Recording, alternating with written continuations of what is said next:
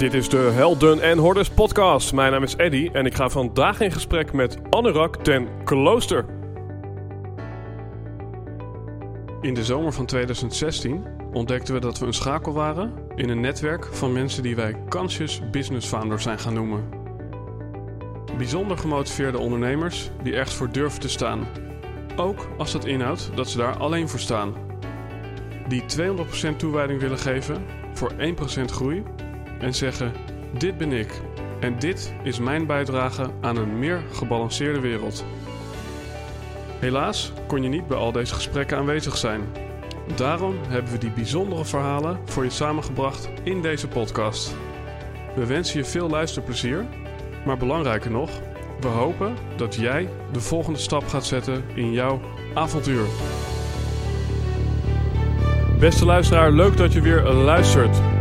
Ben je een nieuwe luisteraar? Welkom aan boord van deze Helden en Hordes podcast. Anorak is opleider, coach, spreker en schrijfster van twee boeken. Ze heeft reeds meer dan 200 mensen opgeleid tot mindfulness en compassiecoach en begeleidt daarnaast relatiesessies en familieopstellingen mindfulness trainingen. Anorak heeft de afgelopen 20 jaar 8000 mensen geholpen door haar trainingen en haar coaching. Anorak is moeder van drie kinderen en sinds 2013 is zij helaas weduwe. Anorak weet ingewikkelde of spirituele materie op een hele praktische manier te vertalen naar vele mensen en alledaagse zaken. Haar kennis en levenswijsheid, haar humor, haar openheid en compassievolle en mindvolle benadering van mensen maakt haar een deskundige en een warme opleider en public speaker. Anorak. Anorak, ik moet het goed zeggen. Leuk dat je er bent. Dankjewel. Um, ja, mooi ding om uh, bij te beginnen. Uh, volgens mij staat er iets uh, op je website als vind rust in een drukke wereld of iets in die trant. Ja. En ja, wat, wat, hoe komt dat dan dat wij zo in een drukke wereld leven tegenwoordig? Is dat, is, is dat anders dan vroeger? Nou, voor mijn gevoel. Um ja, is de wereld een stuk drukker geworden... omdat we sowieso veel meer uh, prikkels hebben om ons heen. Dat is mm -hmm. natuurlijk niet alleen uh, door, uh, door wat we allemaal van onszelf verwachten... maar ook heel veel natuurlijk social media en veel meer kansen om jezelf te vergelijken. we hebben veel meer mogelijkheden dan vroeger... Um, uh, waardoor, we, uh, waardoor we ook misschien wel meer willen, hè, meer, mm -hmm. meer willen bereiken. We hebben meer kansen. Het is, het is een stuk minder eenvoudig geworden eigenlijk ja. uh, dan ja, wat is vroeger. Vroeger is misschien één, misschien twee generaties terug. En daar zullen natuurlijk ook wel verschillen in zijn geweest. Maar je hebt natuurlijk wel steeds minder mensen die, zich, die echt maar zich bezighouden met één ding, met één vak. Hè. Zoals de, je hebt natuurlijk wel, nog wel de bakker, maar die wil soms ook alweer mm -hmm. iets erbij doen. Um, ik denk dat, dat, het, uh, dat de wereld in die zin wat, wat misschien... Ik weet niet of het woord complexer het, het goede woord ervoor is. Maar dat, dat je wel je op meerdere gebieden bezig... veel meer gebieden bezighoudt volgens mij dan de... omdat we gewoon toegang hebben tot een grotere wereld. We, vanaf vanaf jong, ook jongere mensen al, die kunnen al zien wat gebeurt aan het eind, andere eind van de wereld. En mm -hmm. niet alleen via de krant of tv, maar ook ook meer persoonlijk. Doordat uh, als ik naar mijn kinderen kijk, die, uh, die, die volgen dan verschillende YouTubers. Mm -hmm. Ja, je zit helemaal in het leven van die, van, die, uh, van die jongens en die meiden die ergens in Amerika of weet ik veel waar wonen. Ja. Dus er is ook vooral veel meer vergelijkingsmateriaal. Maar als je het hebt over druk, druk dan zit die druk ook wel, merk ik veel bij mensen intern. Dus het, ja. de, de, je kan heel veel, maar daarbij moet je ook heel veel van jezelf. Ja. Ja, precies. Want, um, want je zou ook kunnen zeggen, dat is misschien met een, uh, met een iets andere ja, uh, blik erop uh, geworpen. Maar um, ja, het is misschien. er zijn meer mogelijkheden, er is meer onrust. Maar er is misschien ook meer veiligheid. Want, nou, neem eventjes 500 jaar geleden. Ik, ik heb gehoord dat er toen. Uh, iets van uh, 30% van alle mannen uh, kwam om door geweld. mm -hmm. nou, dat is nu minder dan 1%. Um, ja. ja, ook als je kijkt naar bijvoorbeeld hongersnood, schaarste, dat soort dingen. Dat is eigenlijk minder. Dus Mhm. dus, dus, dus volgens mij zou je ook kunnen zeggen... er is minder om ons druk over te maken. Kan je dat ook zeggen? Ja, ik denk zeker dat er minder is om ons druk over te maken. Want we hebben... Nou ja, kijk even naar de westerse wereld. De meeste mensen kunnen van alles hebben en doen wat ze, wat ze willen. Uh, maar ik denk dat wij nog steeds dat, dat oude, oude brein hebben... zoals uh, hè, dat ook generaties terug is... wat, uh, ja, wat ook overal een soort dreiging in ziet. Dus vroeger had je misschien echt een levensdreiging. Mm -hmm. Nou, dat is niet zo heel vaak meer dat dat nu mensen overkomt. Maar... Ja. Maar je hele, hele systeem, uh, uh, en dat zijn dan vooral je hersenen... die, die werken wel zo dat, dat je dat je eigenlijk de omgeving steeds wel scant op mogelijke... maar is meer psychologisch gedachte dreiging. Mm -hmm. En daar, daarmee wordt volgens mij hetzelfde uh, in je lichaam en in je geest geactiveerd... Um, als, je, als, als misschien toen er echte dreiging was. En dreiging van tegenwoordig uh, zit hem dan meer in van... oh, ik ben bang dat ik faal, of ik ben bang dat ik door de mand val... of dat ik ergens niet meer bij hoor, of dat ik mijn baan kwijtraak, ja. enzovoort. En dat is eigenlijk helemaal niet toch verschrikkelijk erg meestal. Maar omdat... Uh, ja, to, maar toch activeert dat blijkbaar in, uh, blijkbaar in de hersenen hetzelfde als, uh, ja. als dat je echt in wilde natuur, natuur te maken hebt met, met ja. levensbedreiging. Ja, en dan eigenlijk de aanpak die, die jij hebt is proberen dat, ik noem het even het, het, het druktemakertje in jou, daarvan het volume omlaag draaien. Maar je zou ook het uh, volume van je omgeving lager kunnen draaien... door bijvoorbeeld te gaan leven op een plek waar heel veel rust is. Ja. En door geen uh, smartphone te kopen. Maar, maar die weg heb je niet gekozen. Ja. Um, ja, dat is inderdaad wel misschien bijzonder. Want ik ben wel in een dergelijke omgeving opgegroeid. Ik ben op een boerderij uh, geboren en opgegroeid. En ook echt... echt het enige uitzicht wat, wat we hadden was een dijk met daarachter de rivier de Vecht. Mm -hmm. Dus dat ja. was eigenlijk heel rustig. En soms denk, wel, denk ik wel eens, ik zoek eigenlijk nu uh, in deze drukke wereld... want ik woon in Amsterdam... Ja. Uh, zoek ik eigenlijk diezelfde stilte die ik eigenlijk toen al lang had van, vanzelf. Hè, dat bij de natuur zijn. Ja, ja, dus eigenlijk, uh, we, we zitten hier met z'n allen een soortje complexiteit op te werpen. En vervolgens ja. hebben we weer nieuwe systemen nodig om, uh, om daarmee te kunnen leven. Eigenlijk, eigenlijk wel volgens mij. Ja, ja. Het, het, ja ik zeg heel vaak van eigenlijk... Uh, als je het hebt over... Ik hou me natuurlijk veel bezig met mindfulness. Maar mindfulness is ook heel erg teruggaan naar de eenvoud. Mm -hmm. Eén ding tegelijkertijd doen. En niet, uh, niet van alles tegelijkertijd. één voor één. Uh, daar, daar wordt je hele systeem wordt daar gewoon rustiger van. Ja, ja. Ja, en... Um... Ja, dat is ook een uh, flauw woordgrapje, maar uh, als je het hebt over één fout, dan kan je ook maar één fout tegelijk maken. ja, want ik denk van, van dat, dat ligt er ja. ook heel erg onder. Van uh, bang zijn om te falen, angst om afgewezen te worden.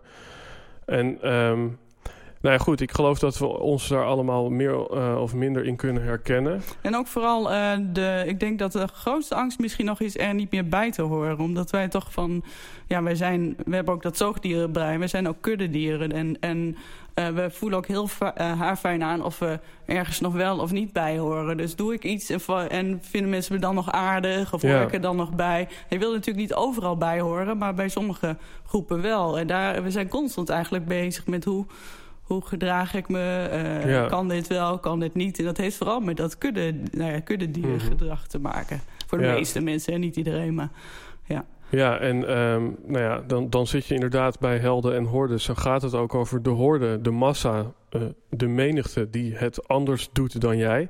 He, heb je behalve dat stemmetje dat je, net zoals wij allemaal, uh, graag er, ergens bij wil horen... heb je ook echt de ervaring dat mensen je hebben afgeketst. Of dat ze zeggen, uh, ik snap jou niet of uh, ik erken jou niet. Heb je die ervaring ook gehad? Um, niet heel expliciet uitgesproken. Maar ik leef bijvoorbeeld in een uh, omgeving waar mensen allemaal hard werken. En dikke vette carrières maken. En grote huizen hebben, dure huizen hebben. Um, ik kan dat, kan dat soms wel merken in, in straatgesprekken, zeg maar. Ik, heb, ik vind gewoon niet dezelfde dingen interessant dan uh, mm -hmm. andere mensen vinden. En als je, je mag, ik kan best met je praten over, nou, zullen we een verdieping op onze woning zetten... en hoeveel vierkante meter is je woning? Daar kan ik best over meedoen. Vind ik ook best lollig om daarover ja. te praten. En ik heb ook geen klein huis, dus in die zin ben ik ook niet iemand die op de heide is gaan wonen. Ja. Uh, maar ik kan ook, ik, ik heb ook vaak de behoefte om dat gewoon helemaal over te slaan. En ik ga jou nou eens even rechtstreeks benaderen op hoe gaat het nou eigenlijk met jou? En wat is voor jou eigenlijk belangrijk in je leven? En ik geloof er niks van dat je hier gelukkig van wordt. Ja, het draagt natuurlijk wel bij aan wat gemak. Maar het is niet zo dat dat nou je, je roeping kan zijn. Daar geloof ik niks van. Dus daar zit dan wel eens een mismatch op. En wat ik dan wel eens merk is dat ik daar dan niet echt... Uh, niet langdurig over kan praten, zeg maar. Of dat ik daar... Ik word niet op vermeden, maar ik word ook niet op benaderd. Ja. Terwijl mensen heel goed weten wat ik doe, want ik ben daar vrij openbaar in. Mm Zou je zeggen van, nou, dan zou je wel eens wat vaker mensen op straat uh, kunnen hebben van... goh, wat leuk dat je doet dat je dit of dat doet. Maar dan merk ik van, daar zit, uh, die, die zijn toch met iets anders. Uh, sommigen wel hoor, maar de meesten die zijn toch met iets anders bezig. Ja. Andere dingen belangrijk vinden in hun leven. Ja, en ik vind dat een mooi onderwerp van uh, wanneer laat je eigenlijk klinken waarvan, ja, die vraag van, van hoe gaat het nou echt met je. Maar wat er volgens mij in zit is ehm, ja, een stukje meaning die, die, die jij uh, zelf uh, wil overdragen op anderen, een stukje zingeving misschien. Um, maar ja, er zijn misschien momenten dat je bewust denkt van nou laat maar, ik, uh, ik ga het niet eens proberen. Ja. En um, ja, in, in hoeverre monitor jij zeg maar de ander om te kijken, kan ik hier wel zeg maar een stukje dieper mee gaan of niet? Nou, eigenlijk altijd denk ik. Ik denk dat ik daar mijn mensen op uitkies waar ik en ik vind het, uh, ik ben eigenlijk altijd in mijn leven vanaf jeugd, uh, jeugd af aan al iemand geweest. Of ik maak alleen maar flauwe grappen met je. En dan ben ik gewoon een lolbroek. En dan gaat het het liefst nergens over. Mhm. maar als we het dan ergens over hebben... dan wil ik ook dat, echt dat het ergens over gaat. Ja. Dus ik ben nooit zo goed geweest in over koetjes en kalfjes praten. Ik heb het mezelf wel aangeleerd. Maar eigenlijk vind ik dat tijdverspilling. Uh, dus ik zoek, ja, de mensen die ik privé zoek zijn wel de mensen waarbij ik ook echt uh, ja. uh, vrij snel op een diepere laag kan komen in gesprek. Ja. Dat gaat dan, en diepere laag bedoel ik, dat, dat kan dan over leven gaan, dat kan ook over dood gaan. Mm En hoe, hoe verhoud je je daartoe en hoe is dat voor je? En, en hoe, hoe als je helemaal in, in die diepte op de, mm op de, in de diepe put zit van hoe, ja, hoe, hoe manage je dat, zeg maar. Ja, want uh, uh, nu we het daar toch over hebben. Uh, ja, ik zei net van ja, het leven is wat veiliger geworden en we hebben uh, ja, wat minder directe bedreiging. Mm. En toch heb jij wel, zoals ik van je weet, een aantal ervaringen in je leven waarin die, ja, de onveiligheid en de dood en ja, verdriet wel degelijk om de hoek kwam kijken. Mm. Is, is dat iets waar, je, waar je iets over wilt delen? Ja.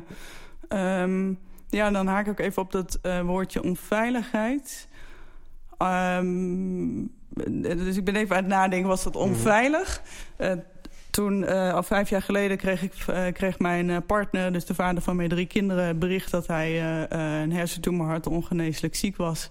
En acht maanden daarna is hij gestorven. En uh, ik ben best wel uh, al hele lange tijd ook uh, ja, bezig met mediteren. En wat is de zin van het leven? En alles gaat voorbij in het leven. Uh Dus ook je eigen leven. Niet alleen je gedachten, je gevoelens, maar ook je leven. En elke dag sterf je een beetje, zeg maar. Dus, dus een deel van mij kan dat in een breder perspectief plaatsen. Ziet dan van gewoon mijn hoofdstuk uh, sorry, mijn uh, leven is eigenlijk een soort verhaal. En, en in dat verhaal zitten verschillende hoofdstukken. Nou, mm. nu zit ik blijkbaar in dit hoofdstuk. Ik vraag me niet af waarom, maar blijkbaar... Uh, het, is, het is niet waarom ik wel, het is ook niet waarom ik niet. De, dit is deel van het leven, blijkbaar. Mm -hmm. dus een deel van mij zit, zit daar, zat daar dus niet door in de onveiligheid. Maar ik merkte dat mijn lichaam... Ja, die zat helemaal, helemaal in de stand van alertheid en en de gevaarmodus, zeg maar. Ja. Uh, ja, dat, dat, dat, dat, merkte ik aan, eh, aan mijn hele gestel in mijn, in mijn buik. Uh, dat, dat, uh, dat, dat functioneerde niet vanuit veiligheid. Dat functioneerde vanuit... Stress, ja. Ja, alertheid. Ja. Ik weet ook nadat hij gestorven was dat ik... er hoefde maar iets heeft te gebeuren. Of ik was even een stukje hard aan het lopen over straat. En gelijk was het lichaam weer helemaal in de stand van... Ja. hartklopping enzovoort. Ja. Terwijl mijn mind was vrij rustig. Is eigenlijk altijd vrij rustig geweest en vol vertrouwen. Ja, en dat vind, dat vind ik ja. uh, opmerkelijk. Nou ja, opmerkelijk. Um, ik, ik, ik had een gesprek met een vriend van mij. Die zei eigenlijk van ja, vaak uh, volgt het lichaam uh, op de geest. Dus mm -hmm. je hebt bijvoorbeeld eerst de intentie om... nou, noem even een, een, praktisch voorbeeld. Je hebt eerst de intentie om ja, body fit te worden, gespierd te worden. Ja. Maar dat begint met, met de mind. Ja. en daarna ga je pas naar de sportschool. En dan zie je het misschien een paar maanden later pas fysiek terug in het lichaam. Ja, maar dat is dan wat je zelf bewust doet. Ja. Ja, en de, in deze situatie is een letterlijke bedreiging, een, een, een, een, een basisbedreiging. We zijn allemaal bang om dood te gaan. Uh, uh, als dood heel dichtbij komt, dat is gewoon een primaire angst. Ja. En, en, volgens mij lig je, ja, hoe het precies werkt weet ik niet, maar volgens mij reageer, re, reageert daarom je lichaam direct al heel sterk. Of daar heel veel gedachten aan vooruit. Ja, natuurlijk heb je de gedachte van... oh, straks ben ik alleen en hoe red, hoe red ik dat en, en alles. Die zijn er wel. Uh, maar die kon ik wel redelijk nou ja, daar laten en mezelf gewoon in het nu brengen. En hoe kwam het dan dat, jou, uh, dat jouw mind uh, in, ja, in die omstandigheden van vijf jaar geleden nou, ja, zo rustig is gebleven of zo, zo sereen?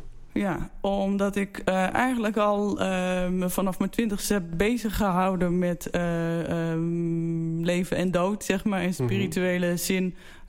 Met een soort besef van ja, we, we gaan allemaal dood en we kunnen die dood wel uit de weg gaan. Maar je kan hem beter eigenlijk gewoon -hmm. aankijken. Want als je hem niet durft aan te kijken, dan, dan beïnvloedt dat je.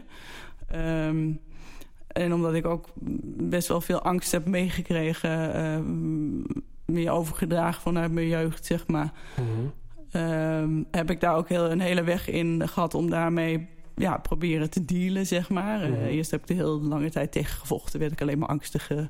En daarna ben ik het gewoon wat meer gaan omarmen. En een van de angsten is natuurlijk ook de doodsangst. Ik ja. was eigenlijk altijd al bang dat of ik of mijn partner vroeg zou gaan... als de kinderen nog jong waren. En uh, op het moment dat dat gebeurde... dus dat, ik, dat, dat we het bericht kregen dat hij ongeneeslijk ziek was... Het was eigenlijk het eerste wat ik dacht... Uh, oh, daar ben ik dus eigenlijk mijn halve leven sinds ik kinderen heb al bang voor. Mm -hmm. Nou ja, wat een verspilde tijd. Al die angst. Ja, nou ja, nou ja eh, of je kunt zeggen van... Uh, nou, uh, jongens, dit is de praktijkcase. ik heb 20 of 30 jaar me daarmee bezig gehouden. Ja, want, voorbereid. Wat, ja, nou ja, maar, maar hoe zou het geweest zijn... als je, als je die, die, die voorbereiding niet had getroffen?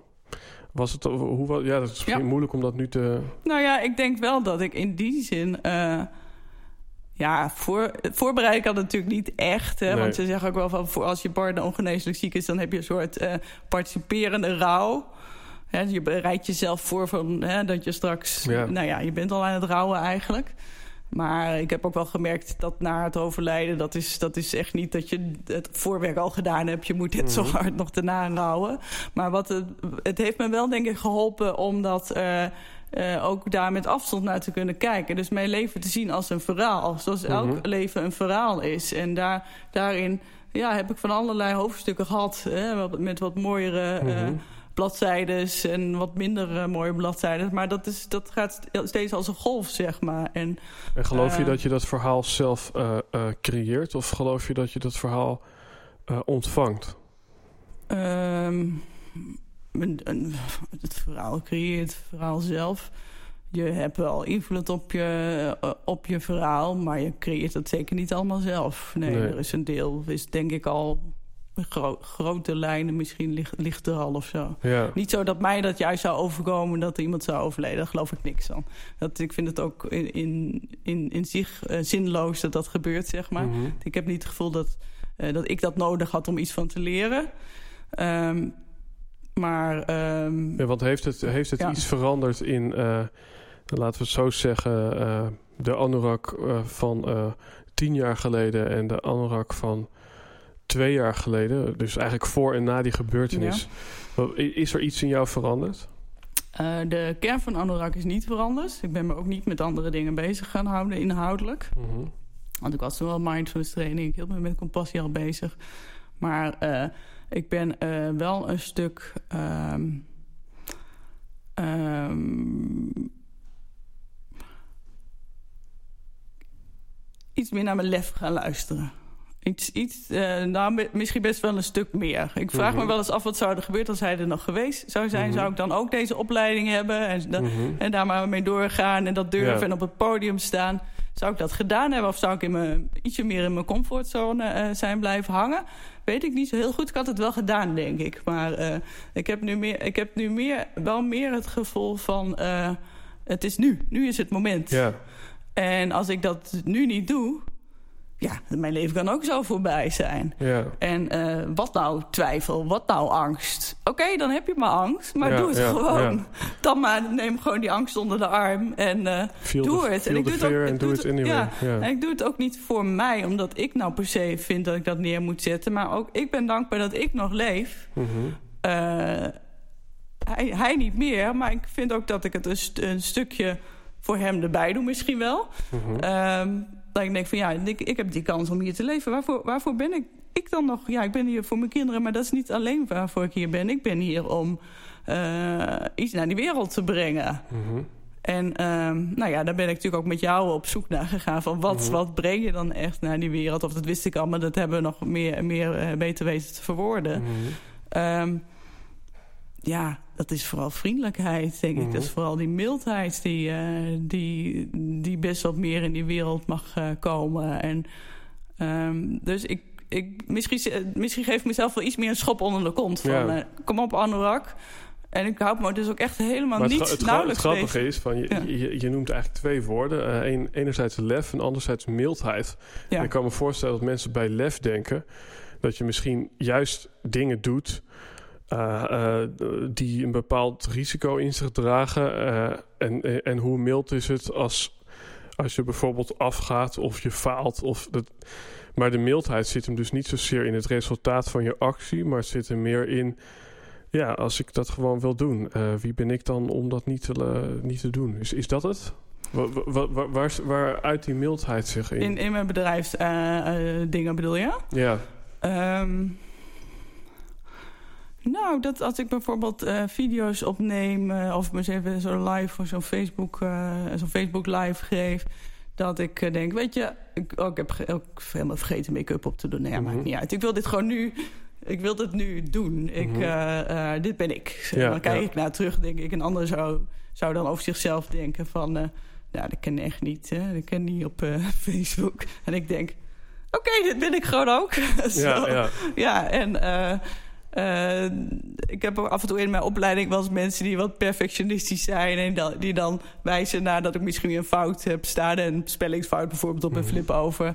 En dan denk ik, ja, dat vind ik echt zo niet belangrijk. Ik ga het wel verbeteren hoor, maar dit is niet waar bij mij het leven om gaat, zeg maar. Of, of ik een klein foutje maak. Dus daar zit die mm. mildheid in, denk ik. Um, maar ook mildheid naar... Uh, ja, oké, okay, ja, je, bent, je bent, bent hier en daar wat anders dan misschien anderen. Ik zeg niet, van, ik zeg niet als mhm. alle anderen. En dat is oké. Ja, ja. En, uh, en, je, en, en, je, en ik mag, uh, ik, ik geef mezelf een schop onder de kont van, nou, doe nou maar gewoon. Hè? Heb, heb je geprobeerd uh, erin te passen als je teruggaat naar toen je jong was? Ja, ja zeker. Ja, ik, ja. ik ben altijd dan een hoog, nou ja, het heet nu hoogsensitief kind geweest. En ehm, altijd geprobeerd om bij groepen aan te sluiten. En, uh, en niet begrepen van hoe kan het nou dat mensen zo lang met elkaar in een groepsverband en drukte en gesprekken hebben over niets.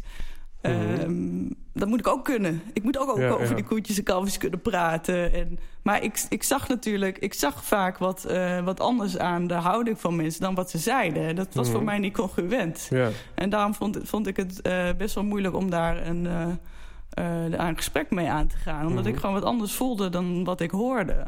En ik, ja, ik, ja, ik was dus toen denk ik al wel, had ik al wel behoefte gehad aan mensen waar, waar, waar ik ook mee kon levelen op van hé, hey, maar hoe gaat het nou echt met je? Mm -hmm. ja. ja.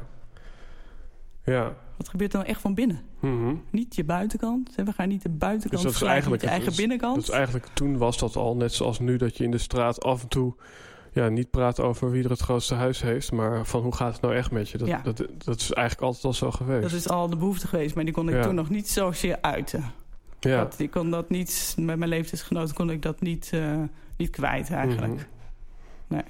Ja, ik vind die vriendelijkheid wel mooi, hoe je dat beschrijft. Ik, ik, Het, is, het is ook een vriendelijkheid vanuit kracht. En niet vanuit, uh, ik ben vriendelijk uh, omdat mensen mij dan misschien aardig vinden. Ja, ja. Dat vind ik echt ja, een heel ja. groot verschil. Ik heb in mijn opleiding heel veel mensen die zijn super vriendelijk en compassievol naar anderen. Maar ten koste van zichzelf. En daar zit voor mijn gevoel dan geen kracht in. Ja, het Het is wel grappig, zijn, want in het Engels heet het een act of kindness. Maar dat eh, suggereert eigenlijk dat je inderdaad iets acteert oh, ja. eh, om vriendelijk te zijn. Ja, het is, ja, dat is eigenlijk wel opmerkelijk als je zo naar kijkt. ja. Wat ik ook wel mooi vind, dat is misschien leuk om te benoemen. Ik, eh, ik had eh, vroeger een vriendinnetje en toen gingen we een keer naar haar oma toe.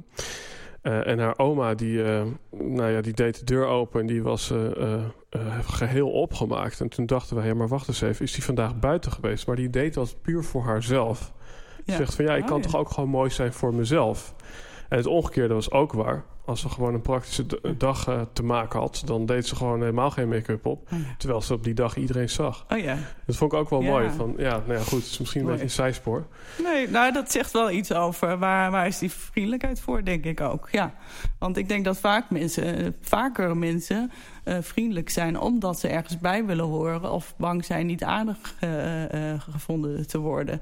En mijn, mijn vriendelijkheid is niet omdat ik aardig gevonden wil worden. Dat maakt me eigenlijk niet zo heel veel uit. Ik weet dat sommige mensen je gewoon niet aardig vinden. Dat is gewoon realistisch. Ehm, maar eh, het is vanuit een wetenschap... eh, of het is vanuit een, een missie dat ik meer vriendelijkheid in de wereld wil brengen. Meer betrokkenheid, meer verbinding. Mhm. Omdat ik denk dat we daar met, met z'n allen gewoon eh, in de hele wereld uiteindelijk... als, Ja, het- als ja. iedereen dat weer doorgeeft, daar beter van wordt. Ja, Dus het is... eh, en, en ik kan ook vanuit vriendelijkheid heel confronterend zijn. Mhm. Ik kan heel, eh, heel direct zijn. Mhm. En dat is dan eigenlijk heel vriendelijk bedoeld. Maar komt bij sommige mensen... Dus ik had de afgelopen maandag nog zo iemand in de Mhm. groep... die ik heel direct confronterende mensen van... je hoeft anderen niet te helpen hoor. Mhm. Je zit hier voor jezelf. Je mag hier voor jezelf zitten. ja. En dat kwam best wel direct binnen. Mhm. Maar dat is voor mij echt puur vanuit betrokkenheid en vanuit... eh, je mag... Zorg eerst maar voor jezelf, want dan ga je, Ja, je gaat ja. ook vanzelf wel weer voor de anderen zorgen. Maar dan, dan is het ook niet omdat je iets van die ander terug wil. Mhm.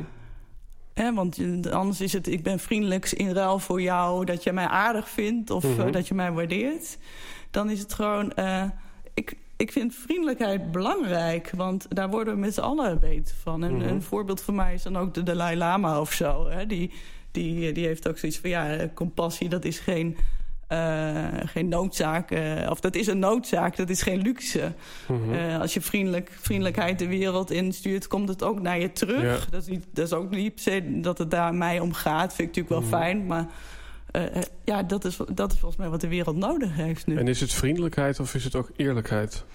Dat komt erbij. Ja. Ja, dat komt erbij. Wa- Wat is het verschil? Ja, dat is misschien een Oh, dat gekke is een groot vraag. hoor. verschil, vind ik. Ja, wat, want, want ik kan me voorstellen als je inderdaad zegt van je hoeft er niet eh, ja, voor allemaal anderen te zijn, maar je mag ook gewoon voor jezelf zijn of hier voor jezelf zitten. En, Dat is dan eerlijk naar jezelf zijn ook, hè? ja, Ja, van waar doe je de dingen zoals je ja want ik kan me ook voorstellen van dat jij inderdaad van eh, zonder make-up een eh, vlog maakt. Het is ook Ja. een bepaalde vorm van eerlijkheid. Het is van ja, Ja. eerlijk is dat ik dit gewoon ben en daar hoef ik geen maskertje op te Ja. doen. Ja. Dus nou ja, goed, misschien Ook. ja, En Ook, hè? maar het zijn voor mijn gevoel twee verschillende, verschillende begrippen. Ik vind eerlijkheid ook, dat past ook bij mij. Oneerlijk zijn kan ik eigenlijk niet of nauwelijks. Daar moet ik Mhm. echt moeite voor doen. mhm, Dat gaat altijd wringen in mezelf. Eh, maar ze, ze gaan hand in hand volgens mij. mhm. Ja. Ja, je noemde net even de Dalai Lama. Van, eh, in jou zitten volgens mij heel veel Oosterse invloeden. Mhm. Ehm, Mhm. ja, waar, waar, waar komt dat vandaan? Ik bedoel, om, Waarom om- ik die Oosterse invloeden ja, wat, meeneem? Want- ja, Ja. ja. Er, er zijn waarschijnlijk ook wester, westerse alternatieven voor, ehm, nou, laten we zeggen, eh, meer rust eh, eh, ja. ervaren. Ja, en dat heeft, dat heeft er gewoon puur mee te maken dat ik eh, eh, me daar heel veel eh, al, al als twintiger in verdiept heb. Van waar komt nou eh, de, de oudste wijsheid vandaan? Mhm. Eh, en, en dat is het boeddhisme. Het boeddhisme was er voor elk, elk geloof, zeg maar ook. En eh, ik wilde per se naar dat land toe waar dat vandaan kwam. Ja, En omdat ik als uh, puber geïnspireerd was door de film van Gandhi... Uh, mm -hmm. was het voor mij ook een reden om naar uh, India te gaan. Want Gandhi staat voor mij ook voor iemand die ja, en heel erg ergens voor, voor staat... ergens in gelooft en dat mm -hmm. uitdraagt. Maakt niet uit wat mensen ervan vinden. Dit is waar ik voor ga. Ja. En dat is natuurlijk iets heel goeds. Want het gaat bij hem over geweldloze verzet.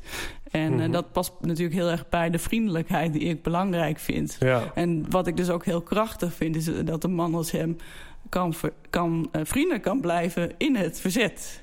Ja, en dat want, is een krachtige ik... manier van vriendelijkheid. Maar, maar daar zit dus ook het woordje verzet. Uh, en, en, ja, is, en is verzet er iets... tegen geweld, ja.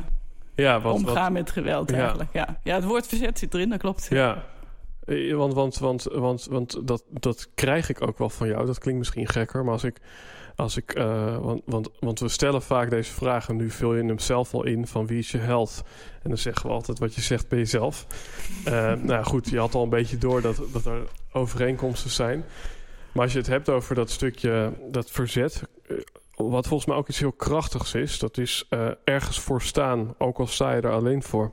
Ja. En als ik dan een uh, filmpje kijk op, de, uh, ja, op Facebook van jou, dan voel ik ook wel die, die, die krachtige kant, die, die, die autonome kant bijna van. ehm, ja, ik, ik sta ergens voor. Dat straal je bijna energetisch uit.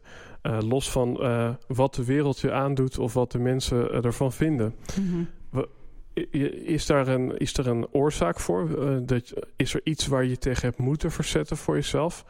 Of, of is het ergens is, is er iets, wat, je, wat je zo belangrijk vindt om voor te staan? Uh, dat je daardoor de, deze kwaliteit, zou ik willen zeggen, inzet? Oh, dat is wel een hele na, uh, doordenkvraag, nadenkvraag.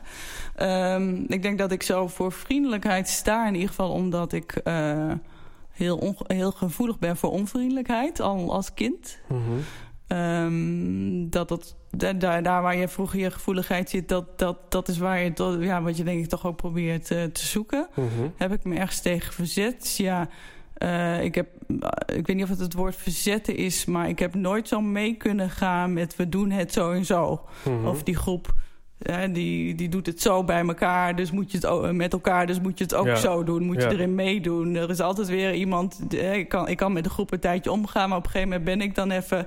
Ah, ik ben even op mezelf hoor. Of, eh, of jullie Ja. gaan met z'n allen dat en dat doen. Nou, even kijken, heb ik zin om mee te gaan? Ja. Heb ik geen zin om mee te gaan? Mhm. Nou, veel plezier. Ehm, Nee, het mooie als je, als, Ja. je, als je het woord verzet eh, zou ontleden. eh, Stel dat je het hebt over een spelletje schaken. Dan verzet je een steen.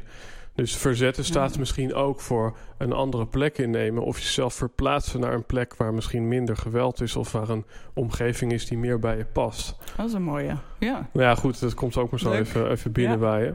Ja, het is grappig dat jij het woord verzetten vooral uithaalt. Dan heb ik het eigenlijk nooit zo bekeken. Ik, ik haak dan vooral in op dat geweldloosheid. Ja, ja. En uh, zelfs dat geweldloosheid, want je hebt tegen ook geweldloze communicatie... is misschien ook niet helemaal het woord. Maar uh, waar het mij vooral om gaat... Ja, uh, wat Gandhi deed was natuurlijk niet meegaan in de manier zoals de ander. Ja. Hè? De, het, uh, ja, die, die wil natuurlijk wapens gebruiken van Mhm. alles. Uh, hij zei heel sterk van nee, dat is niet Mhm. waar ik voor sta. Dit Ja. is... Uh, Ja, dus, dus, Eh, ja. dus de paradox zit eigenlijk van... eh, ja, je, je, je, je, je bekent kleur of je, ja, je, je verzet je.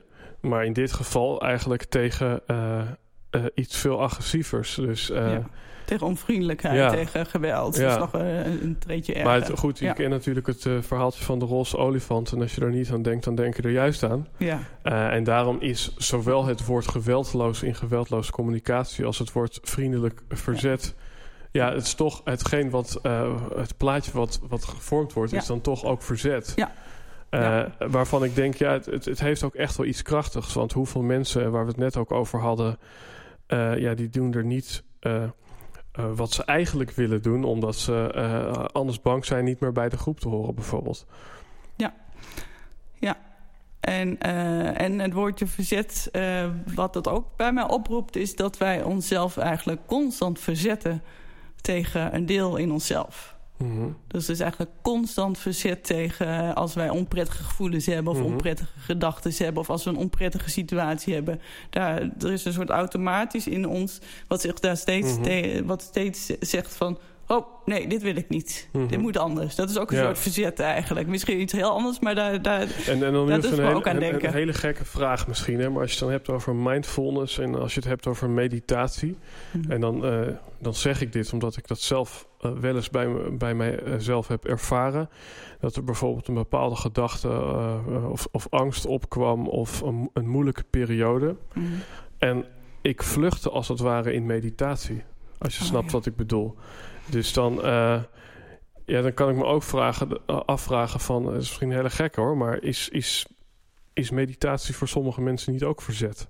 Verzet, Ja. verzet tegen te laten zijn en denken van... nou, als Kan. ik nou in een soort van rustmodus beland... dan hoef ik het misschien niet zo te voelen. Ja, nou, eh, dat is ook eh, waar, ik, eh, waar ik ook vaak op wijs. Hè. Je kan een meditatieoefening doen, of ik zeg dat vaak als ik een bodyscan met mensen doe. eh, die kan je doen omdat je je eigenlijk daar rustig door wil voelen. Mhm. Maar zo'n oefening is eigenlijk nooit bedoeld om je daar rustig door te voelen. Ja, Dat kan een mooi toevallig effect zijn. Maar dat is helemaal niet de bedoeling van. Tenminste, niet Ja. de manier waarop ik mindfulness en meditatie. Me, Mhm. eh, want mindfulness is eigenlijk volledig aanwezig zijn met alles wat er is. Dus ook vooral ook die onprettige gedachten, gevoelens, eh, wat je in je lichaam ervaart.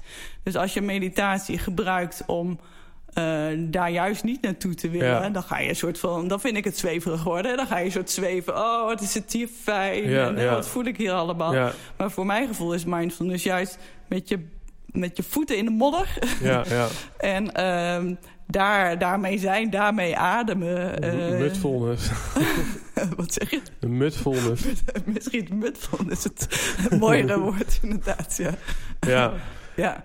En de mensen zeggen soms als mindfulness is heel zweverig, maar het is juist met je, met je voeten daar op die Ja, aarde. ja. En, eh, eh, maar het wordt, wel- eh, ja, mensen die er niet zo bekend mee zijn, die kunnen wel meditatie verwarren met van, oh, dat is voor mij een heerlijke Ja. manier om te ontspannen. En dat kan wel het effect zijn, Mhm. maar je moet eerst door, door alles heen wat er nu is. En misschien is het toevallig allemaal prettig, maar heel vaak als je bij je lichaam stilstaat, is altijd wel iets onprettigs ook. ja. En als je daar dan gelijk denkt, nee, maar ga ik weer Maar ik een kan me toch voorstellen Ja. van, ja, van die, die, zeg maar die, die, die verborgen agenda. eh, Ja, die is er.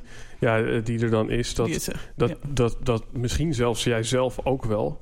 Ja, of het was gewoon puur, eh, pu- pu- puur dat je geïntrigeerd was. Maar dat misschien jij ook wel in ieder geval in je eerste periode ging mediteren. Omdat je ergens vanaf wou komen. Ja, altijd, maar nog steeds. Kijk, Ja. ik, ik denk ook al mediteer je 20, 30 jaar. Als wij te maken hebben met iets wat we onprettig vinden, een gedachtegevoel of iets in je lichaam, of, dan is altijd de eerste reactie: nee, dit wil ik niet, dit moet weg. Ja, Dus dat, dat is altijd wat er gebeurt. Volgens mij kan je dat ook niet wegkrijgen. Dat Nee. is een soort, soort instinctmatige manier om, eh, om pijn en lijden te, eh, te, te vermijden. ja. En op zoek te gaan naar geluk. Ehm, dus tuurlijk, eh, ik weet ook als ik... nou ja, ik weet ondertussen, als ik er gewoon bij blijf... en het toelaat en het mag te zijn... dan weet ik dat het natuurlijk wel weer eerder overgaat ja. dan wanneer ik zeg van nee, dat wil Ja. ik niet. Dus eh, mensen zeggen soms van eh, nou, dat is een beetje buiten mijn controle. Maar eigenlijk is het ook wel weer een nieuwe eh, vorm van ja, controle is misschien niet het woord, maar van weten. Mhm. Als dingen er mogen zijn, als je gedachten, Ja. je gevoelens er mogen zijn, dan kunnen ze komen, kunnen ze gaan. Dan gaan ze met een natuurlijke flow mee, zeg maar. Zoals Ja. alles in het leven komt en gaat. Ja, En dat weten, ja, dat is misschien wel een nieuwe vorm van controle. Dat zou kunnen. ja. Ja, maar goed, dat, denk ik, dat is dan denk ik wel een gezonde vorm van controle. eh. Nou ja, waar, waar ik zelf toevallig dan over nadacht. Van ja, kijk, wat heeft mindfulness mij dan... Of ja, meditatie, wat heeft dat mij gebracht? Ik heb dan zelf eh, via een app heb ik eh, op een gegeven moment duizend keer gemediteerd. eh, ehm, en ik denk van, nou ja... eh, waar het me dichterbij heeft gebracht... is eigenlijk wat je bij een jong kind ziet... die eigenlijk in het moment meteen tot uiting brengt... wat het met hem doet. Dus of verdriet of lachen. Maar het is niet dat er een eh, ventieltje wordt dichtgedraaid... en dat je pas veel later met een soort vulkaanexplosie er, er pas aan mag. Ja, mooi. Ehm, en, en voor mij was het dan inderdaad eigenlijk eerder dat ventieltje los, losdraaien. Ja, ja, ruimte geven. Ja, Zeg ik altijd. Geef het ruimte, geef het lucht. Dus, dus meditatie helpt je er niet vanaf, maar misschien juist naartoe. Naartoe. Eh, en, en daar ruimte in te brengen. Ja, Ja. waardoor het dan misschien dan sneller weggaat of zo. Kan, maar kan ook zijn dat Ja. het erger wordt. Ja, Ja, het kan ook zijn dat je opeens denkt... joe, ik dacht dat ik verdriet had... maar nu weet ik zeker dat ik heel veel verdriet heb. En dat vind ik meteen ook een mooie. Want uh, een, een, ander onderwerp waar ik dan zelf ook uh, over na heb gedacht... Um, dat is ja, dat er heel veel psychologen, therapeuten zijn... die eigenlijk met jou meer en meer naar een bepaalde kern willen... waar dan je verdriet of je probleem of je trauma zit...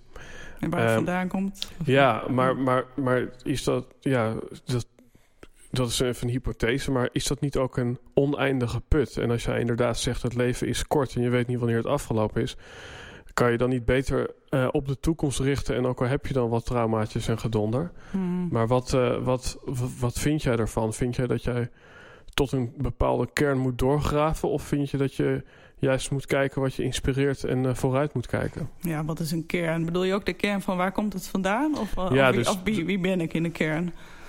Ja, misschien van uh, als je dan inderdaad een trauma hebt of bepaald gedrag wat je niet dient, maar toch steeds doet. Ja. Dat je net zo lang doorgaat zoeken tot je de angel of de wortel hebt gevonden ah, en die ja. eruit kan trekken. Ja, nou ik denk uh, dat, uh, we, dat is wat we automatisch doen. We zoeken naar uh, waarom, waarom ben ik geworden wie ik ben... of waarom heb ik deze patronen of problemen waar ik steeds niet van afkom. Oh, dat zit vast daar, daar ergens in het verleden van toen en toen en toen. En mm -hmm. op school of moeder, vader, weet ik veel waar. Ehm, maar eigenlijk is dat natuurlijk vooral een controlemechanisme. We proberen dat te pakken... Maar wat we eigenlijk doen is daar gewoon een verhaal van maken. Hè? Want wie, mm -hmm. wie zegt nou dat, dat wat jij bedacht hebt, dat dat de waarheid is? Dat weet je helemaal niet. Nee. Want het is ook gewoon jouw invulling. Ja, sommige dingen zijn natuurlijk feitelijk wel waar. Maar is dat zo, omdat je vader of je moeder dat heeft gedaan... dat je daarom nu zo en zo bent? Ja, of is dat ook weer iets om... Uh, ja. ja, bijna ook een soort... Uh... Want als je zet twee mensen naast elkaar... dan ja. maken ze soortgelijke dingen mee en komen er anders uit. Dus... Uh, voor mijn gevoel, ik heb, ik heb jarenlang wel zo mensen gecoacht... kijken naar het verleden en daar wat dingen in veranderen... en met familieopstellingen en andere methodes. Maar tegenwoordig denk ik... Weet je, dat verleden is geweest, daar kan je niets meer aan veranderen. Natuurlijk, in het nu zit ook het verleden, zit ook de toekomst. Maar die patronen die je nu hebt, ja, dat, dat lijkt waarschijnlijk wel wat je op het verleden, uh, in het verleden deed. Laten we maar gewoon eens in het nu kijken van hoe ga je daar nu mee om. Ja. En dan gaat het vooral om hoe ga je nu met je gedachten en met je gevoelens om? En wat ja, je aan ja. ongemak ervaart en ongemak in je leven. En dan hier in het nu vind je wel het antwoord. En ja. als je nu het antwoord uh, hebt, of, of daarmee leert uh, om te gaan... Dan, dan kan je dat ook in de toekomst. Mm -hmm. Voor mijn gevoel heeft het... Het is uh, erkennend wel handig. Ik zou iemand wel even aandacht geven. Goh, wat... Wat, wat, wat is de context? Ja, ja zo. Ja. maar ik zeg heel, steeds vaker tegen iemand van... Het, het is een verhaal. Ja. ja. Het is een verhaal wat je er zelf van gemaakt hebt. Ja. En uh, ja, tuurlijk, feiten ontken ik niet. Mm -hmm. Maar iemand anders maakt er misschien een iets ander verhaal van. van. Mm -hmm. En dat verhaal bedoel ik dan wel, daarom ben ik zo, mm -hmm. of uh, dit en dat. En, en, dan, en dan eventjes het vuur aan mijn eigen schenen. Wij hebben natuurlijk samen ook jouw verhaal gemaakt.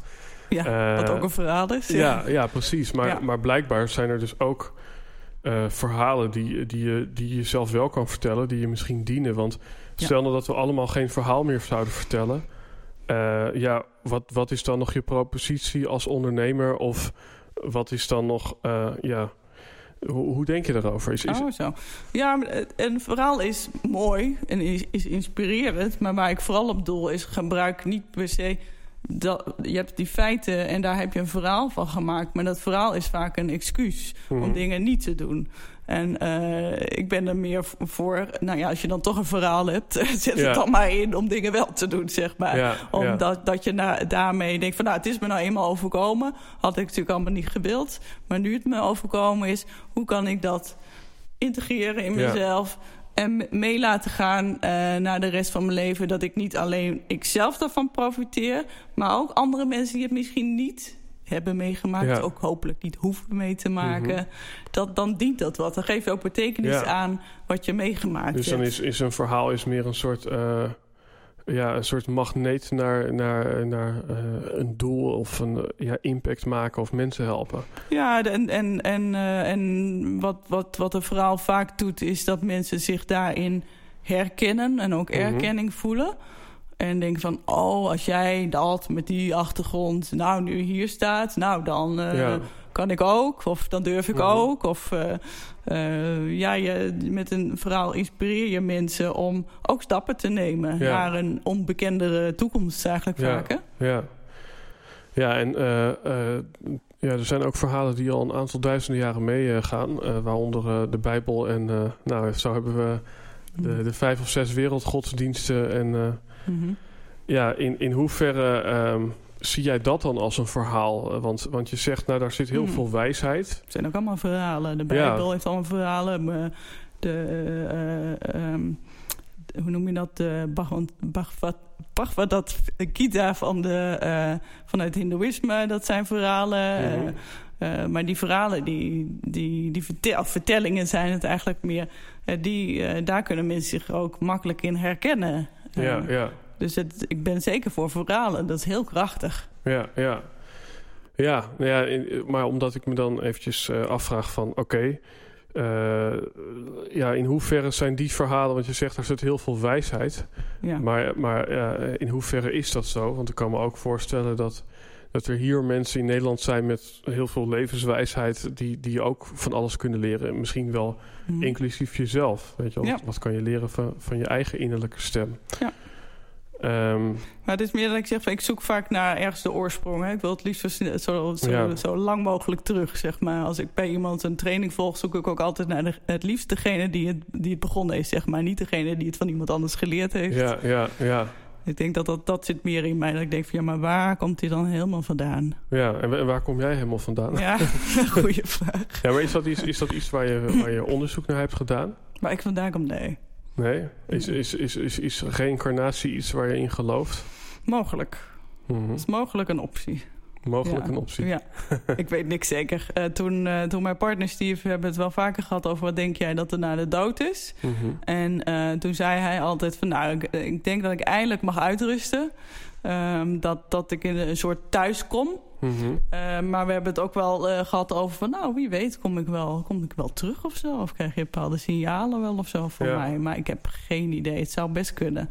En wa- waar ik, wa- wat ik wel denk is als, eh, dat energie niet kan vergaan. Dus als, als iets sterft in de natuur, dan wordt het iets anders. Ja. En een plant die sterft, nou ja, dat wordt compost. En de Ja. compost wordt weer iets anders. Eh, wa- water valt uit de wolken, wordt, eh, gaat naar de rivier. De rivier gaat naar de zee, die verdampt Mhm. weer, wordt weer wolken. Dus alle, al, eh, alles, alles blijft op een of andere Ja. manier en krijgt een andere vorm. Mhm. En misschien dat dat ook een vorm van reïncarnatie is. Kan, Ja. misschien. Wat, wat, je, wat je voordat we op opnemen hadden gedrukt tegen mij zei, eh, was ook van ja, eh, ik kan me ook voorstellen dat ik in de toekomst eh, nog iets anders ga doen, of misschien wel iets heel anders. Ja, is, is, is het voor jou belangrijk om een stukje legacy te hebben, dus een stukje nalatenschap van, nou ja, mocht ik ook op een dag er niet meer zijn, is het dan voor jou belangrijk dat er iets van jouw propositie, van jouw ja, wat je mensen geeft, dat dat, dat, dat blijft voortbestaan. Want, want als je inderdaad iets anders zou gaan doen, Ja. Ja, dan wordt de kans daarmee ietsje kleiner misschien dat hetgeen wat je nu doet inderdaad nog, Nog is. Ja, nog is. Ja, het is het voordeel dat ik al twee boeken heb geschreven. Die blijven sowieso. dus Mhm. dat stukje heb ik al gedaan. Dat ik schilderijen heb gemaakt die ook gewoon blijven. En eh, dat ik kinderen heb die het allemaal door gaan geven. Want Ja, al- zo- ja. zoals ze er nu uitzien... willen die ook allemaal de richting eh, op eh, van mensen helpen. Eh, dus mijn, en, en ik heb het gevoel dat doordat ik eh, vooral mensen opleid... dat die mensen ook weer andere mensen begeleiden... en dat weer doorgegeven Mhm. wordt. Dat is natuurlijk niet zo heel zichtbaar... maar dat gaat wel zo als zo'n ripple effect gaat dat Mhm. door als het goed is. En in die zin heb ik denk al lang mijn bijdrage gehad, zeg maar, die Mhm. ja, meer misschien dan een gemiddelde mens, hè, aan, naar het aantal mensen die ik daarmee bereikt heb. Dus ik ben niet zo bang voor, eh, ik, ik zou er vandaag mee kunnen stoppen, zeg maar. Mhm. En dan krijgt het wel een andere vorm. maar Dan ga ik ook iets creëren waar, waar ik ook andere mensen... dan ga ik waarschijnlijk Ja. schilderen of zo. Of, eh, of eh, meubels maken. Dat is dan iets anders wat ook echt blijvend is. Mhm. Is, en, en, en als je het dan hebt over datgene wat je door wil geven, en misschien is er wel een, een, een kern in inderdaad meubels of schilderijen of eh, mindfulness en zelfcompassie die, Hm. Die altijd eh, eh, eh, doorklinkt. Ja. Weet je wat dat is? Ja. Het bijdragen aan mensen meer vreugde geven, geluk geven. Mhm. Geluksmoment of, of helemaal veel meer geluk. Dus kan maar zien, als je een schilderij ziet en die vind je mooi, dat geeft, dan geeft het ook een goed gevoel. Ja. ja. zo kan het met een meubel ook zijn. dus dus het is of innerlijke schoonheid of esthetische schoonheid. Mhm. Ik had net goed kunstenaar kunnen worden. Ik heb ooit naar de kunstacademie gewild. En dan had ik dat gewoon gedaan, zeg maar. Maar dat, dat, dat heeft het allebei in zich. Ook, ook kan, eh, eh, ik heb ook als theater gespeeld een tijdje. Mhm. Daarmee help je ook mensen om even een ander, ander gevoel te geven... of een ander inzicht te geven. Mhm. Eh, dus het draagt allebei bij aan even, even wat, een moment van misschien wat minder lijden... of pijn mhm. of ongemak. En iets meer momenten, of helemaal meer momenten van vreugde of geluk. Dus dat is denk ik de kern die overal, onder alles zit. Ik denk dat dat gewoon het meest belangrijk is om in de wereld te doen. Daar bij te dragen. En ik, en ik, en ik, uh, ik vang eventjes uh, het stukje kunstenaar op. Uh, maar ja, hoe jij ook bekend staat is als een solopreneur, als een succesvol onderneemster. met een goedlopend bedrijf. Um, dat hoor je niet vaak, dat kunstenaars uh, een succesvolle business hebben. is, is dat... Uh, ja. Is, is zeg maar dat het uh, rendabel moet zijn, dat er een soort return on investment moet zijn. Is dat altijd belangrijk geweest voor jou? Want, want het zou natuurlijk kunnen dat je als, als schilder, ja, het zou kunnen dat je daar ook succesvol mee wordt en heel veel mensen bereikt. Maar het zou ook kunnen dat, dat het zich beperkt tot een galerietje om de hoek, zeg maar. Oh ja, ja. Is, is dat dan belangrijk dat je daar ook een bepaalde spin-off hebt en dat je daar geld mee verdient? Um, in principe is dat in beginsel niet, zou dat niet belangrijk zijn geweest. Uh, maar wel het bereik, van, het bereik van meer mensen. Dat is denk ik een groter doel. Dan, en het geld is dan een bijzaak. Maar sinds ik uh, uh, sinds het ook van mijn partner alleen verdiener ben geworden... dus alleen mijn drie kinderen heb te onderhouden... ben ik wel heel erg op, steeds op zoek geweest naar hoe kan ik uh, er zoveel mogelijk voor mijn kinderen zijn... En doen wat ik het allerbelangrijkste vind. Maar dat moet dan ook in zo min mogelijk tijd. Dus dan, dan kies je ervoor om mensen eerder op te leiden... dan ze één op één te coachen, zeg maar. En ook dat toevallig zit daar ook mijn kracht en mijn, en mijn achtergrond. Daar mhm. maak ik wel wat slimmere keuzes in... van waar gaat mijn tijd dan heen? En hoe kan ik zoveel mogelijk mensen bereiken... in de weinige tijd die ik eigenlijk heb? Want ik heb ook niet altijd heel veel energie... dus dat moet ook echt niet meer dan twee of soms drie dagen per week zijn, zeg maar, dat ik groepen train. En dat zorgt er ook voor dat ik soms op Facebook hele grote challenges uitzet waar ik duizenden mensen mee bereik, zeg maar. En denk van, nou, dat is, uh, dat gaat dus, daar verdien ik niks aan, maar dat gaat wel om de hoeveelheid mensen die ik dan kan bereiken. Ja. Dat is een groter, groter effect, zeg maar, op meer mensen. Ja. Die dat weer doorgeven, ook al hopelijk. Ja, ja. En, en geloof je dat, uh, hoe, hoe, was jij zeg maar voor deze uh, gebeurtenis van vijf jaar geleden? Was, was je daarin veel minder uh, aan het monitoren van geld? Of misschien speelt het wel helemaal geen rol? Um, ik wilde wel geld verdienen, maar daar, verdien, daar werkte ik veel te hard voor. Uh, veel te veel uren draaide ik daarvoor. Dat, ja. uh, dat, dat, trok ik ook bijna niet, zeg maar. Ik zat wel tegen... Oh, dit red ja. ik net niet voordat hij uh, ziek werd, zeg maar. Ik denk dat had ik niet jarenlang zo kunnen volhouden. Dus ik had ook dan op zoek moeten gaan naar een manier... waarop ik misschien hetzelfde had verdiend, mm -hmm. maar in minder tijd. Maar leefde je toen ook in de overtuiging dat meer, meer geld gelijk stond aan meer uren maken? Ja, toen wel. Ja, en dat is nu... En dat is nu, uh... nu is het echt niet meer uren maken. Het is echt slimme ondernemen. Ja, ja. ja. ja. En, um... en daar is wel een, por een portie, uh, een portie uh, lef bij nodig af en toe. Ja. Ja. Ja, en... en... Of moed, lef, ja. Maar wat ik ook een beetje uit, uithaal van... Ja, het is, het is, toch ook een soort van... Uh, je komt ook in beweging vanuit een stukje... Uh, uh, ja, ze zeggen mensen komen in beweging vanuit pijn of vanuit passie. Maar ook wel een stukje pijn, namelijk een stukje noodzaak. Van, ja, ja zeker. Ik, ik, ik moet wel. Moet, zeker, ja, ja. zeker. Ja. ja, het is grappig. Dus, dus eigenlijk zou ik ook kunnen zeggen dat je door... ja, dat, door, ja, door de, de beperking, zeg maar... dat je daardoor ontdekt hebt in jezelf... dat je, dat je veel meer slagkracht hebt dan je dacht. Ja, absoluut.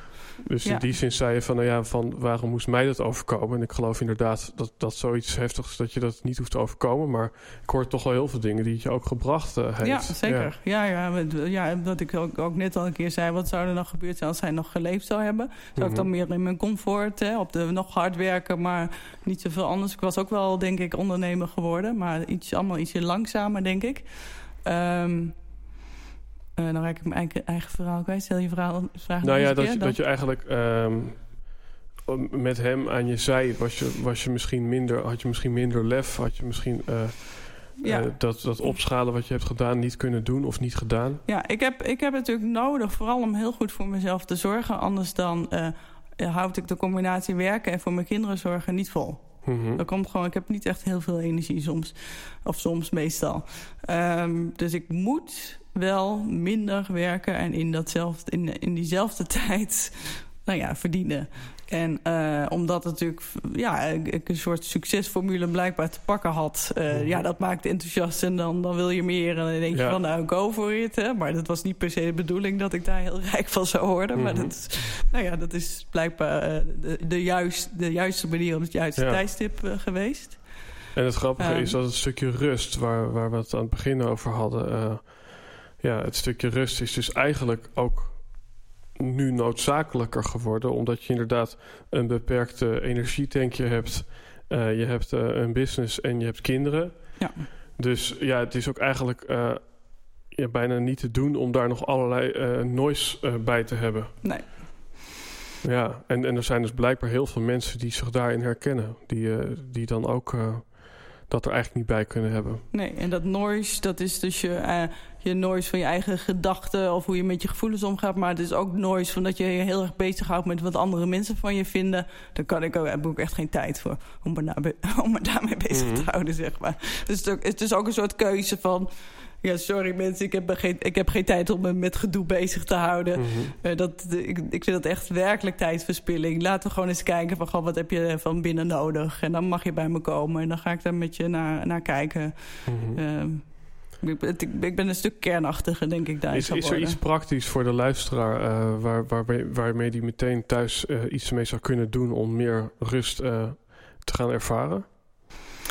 Um, ja, ik denk dat heel veel van ons gedrag uh, komt voort, uh, of wat we willen veranderen, niet kunnen veranderen, komt voort uit dat we niet willen voelen wat we voelen. En het gaat natuurlijk vooral om de onprettige gevoelens.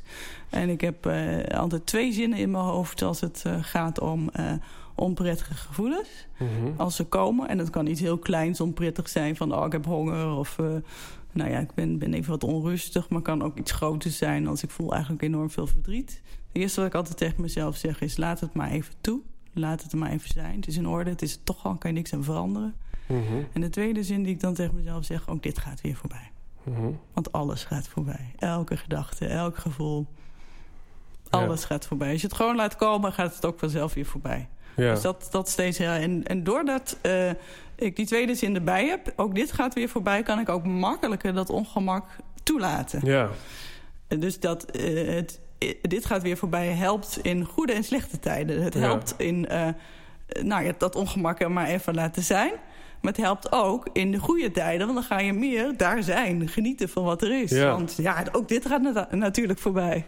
Ja, mooi. En dus die laatste zin is eigenlijk nog de belangrijkste. Ja. Ook dit gaat weer voorbij. Maar het is ook grappig, want ik, ik heb dan een soort van het plaatje voor me van inderdaad, als je iets niet, als je de deur niet openzet voor, voor, voor datgene wat naar binnen wil.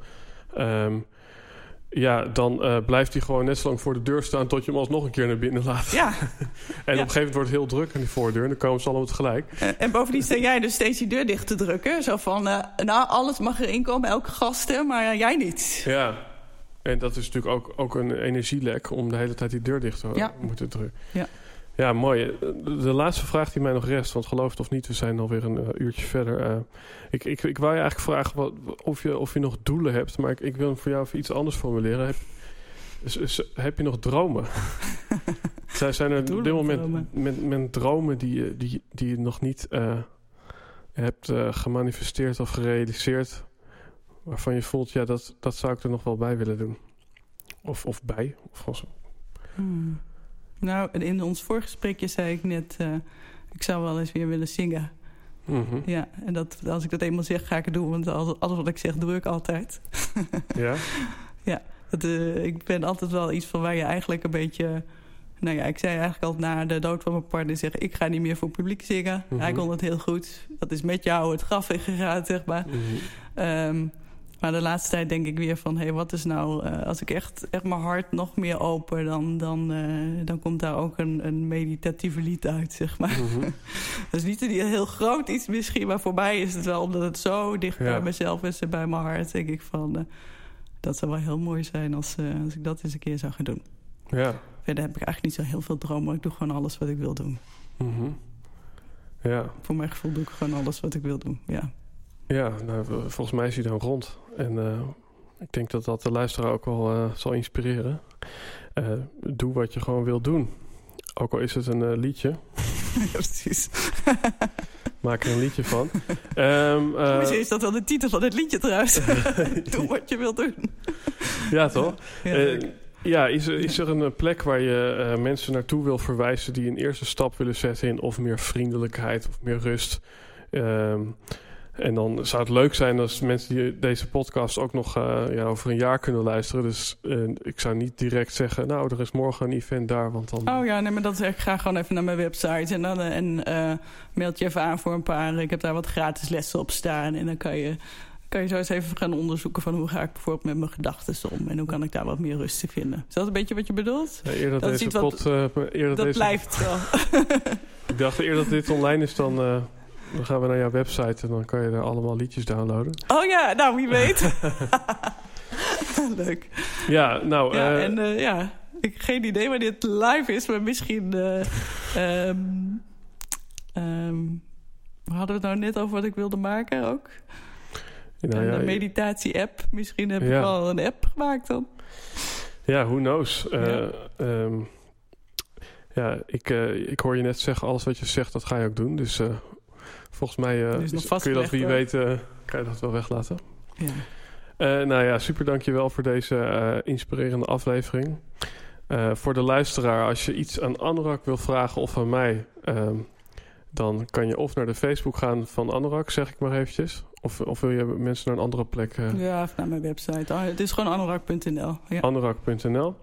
Um, als je wil meepraten over deze aflevering, dan geldt de hashtag Helden en Hordes op Twitter. En tegenwoordig hebben we ook een YouTube-kanaal, Trommelgeroffel. Um, en uh, ja, uh, mocht je meer visueel ingesteld zijn en niet tijdens uh, de afwas of op de fiets ernaar luisteren, dan, ja, dan kun je dat misschien beter via YouTube doen. Dus, dankjewel voor deze. Jij ook bedankt. En, ja, leuk. Yes, dankjewel. Yo, daar ben ik nog eventjes. Ik heb een vraag aan je. Wat denk je dat Apple is zonder Think Different? Wat denk je dat Tony Chocoloni is zonder slaafvrije chocola? En als ondernemer, wie ben jij eigenlijk nog zonder jouw verhaal? Wij geloven dat Apple geen klanten heeft, maar fans door dat verhaal. En dat Tony Chocoloni twee keer zoveel kan vragen voor een reep door hun verhaal. We zijn ervan overtuigd dat dat heldere verhaal je meer rust, omzet en zingeving geeft in jouw business. En veel van de gasten in deze podcast die weten dat. En die hebben dus ook met onze hulp hun verhaal kraakhelder gemaakt. In onze online opleiding Bevrijd je verhaal kan jij zelf jouw verhaal bevrijden. In vijf hoofdstukken, diverse video's en toffe opdrachten kom jij tot jouw core story. En als trouwe luisteraar van deze podcast heb ik daarom besloten iets terug te doen. Jij kan net zoals de gasten hier jouw verhaal bevrijden met een fikse korting. Dus bovenop de early adapter korting die er nu al is, krijg je ook nog een keer 10% extra korting bij je aankoop. En het enige wat je daarvoor hoeft te doen is eventjes gaan naar www.bevrijdjeverhaal.nu slash helden en hordes. Het is een tijdelijke actie. Als je nou de link kwijt bent die ik je net heb gegeven, die staat gewoon in de show notes. En als je nou denkt, ja, ik voel je wel, maar ik wil gewoon nog even met je babbelen of over iets heel anders babbelen, stuur me dan een appje of bel me eventjes op en mijn nummer staat in de show note again van deze podcast. Dus op naar die volgende stap, op naar de volgende podcast. Ik check je later.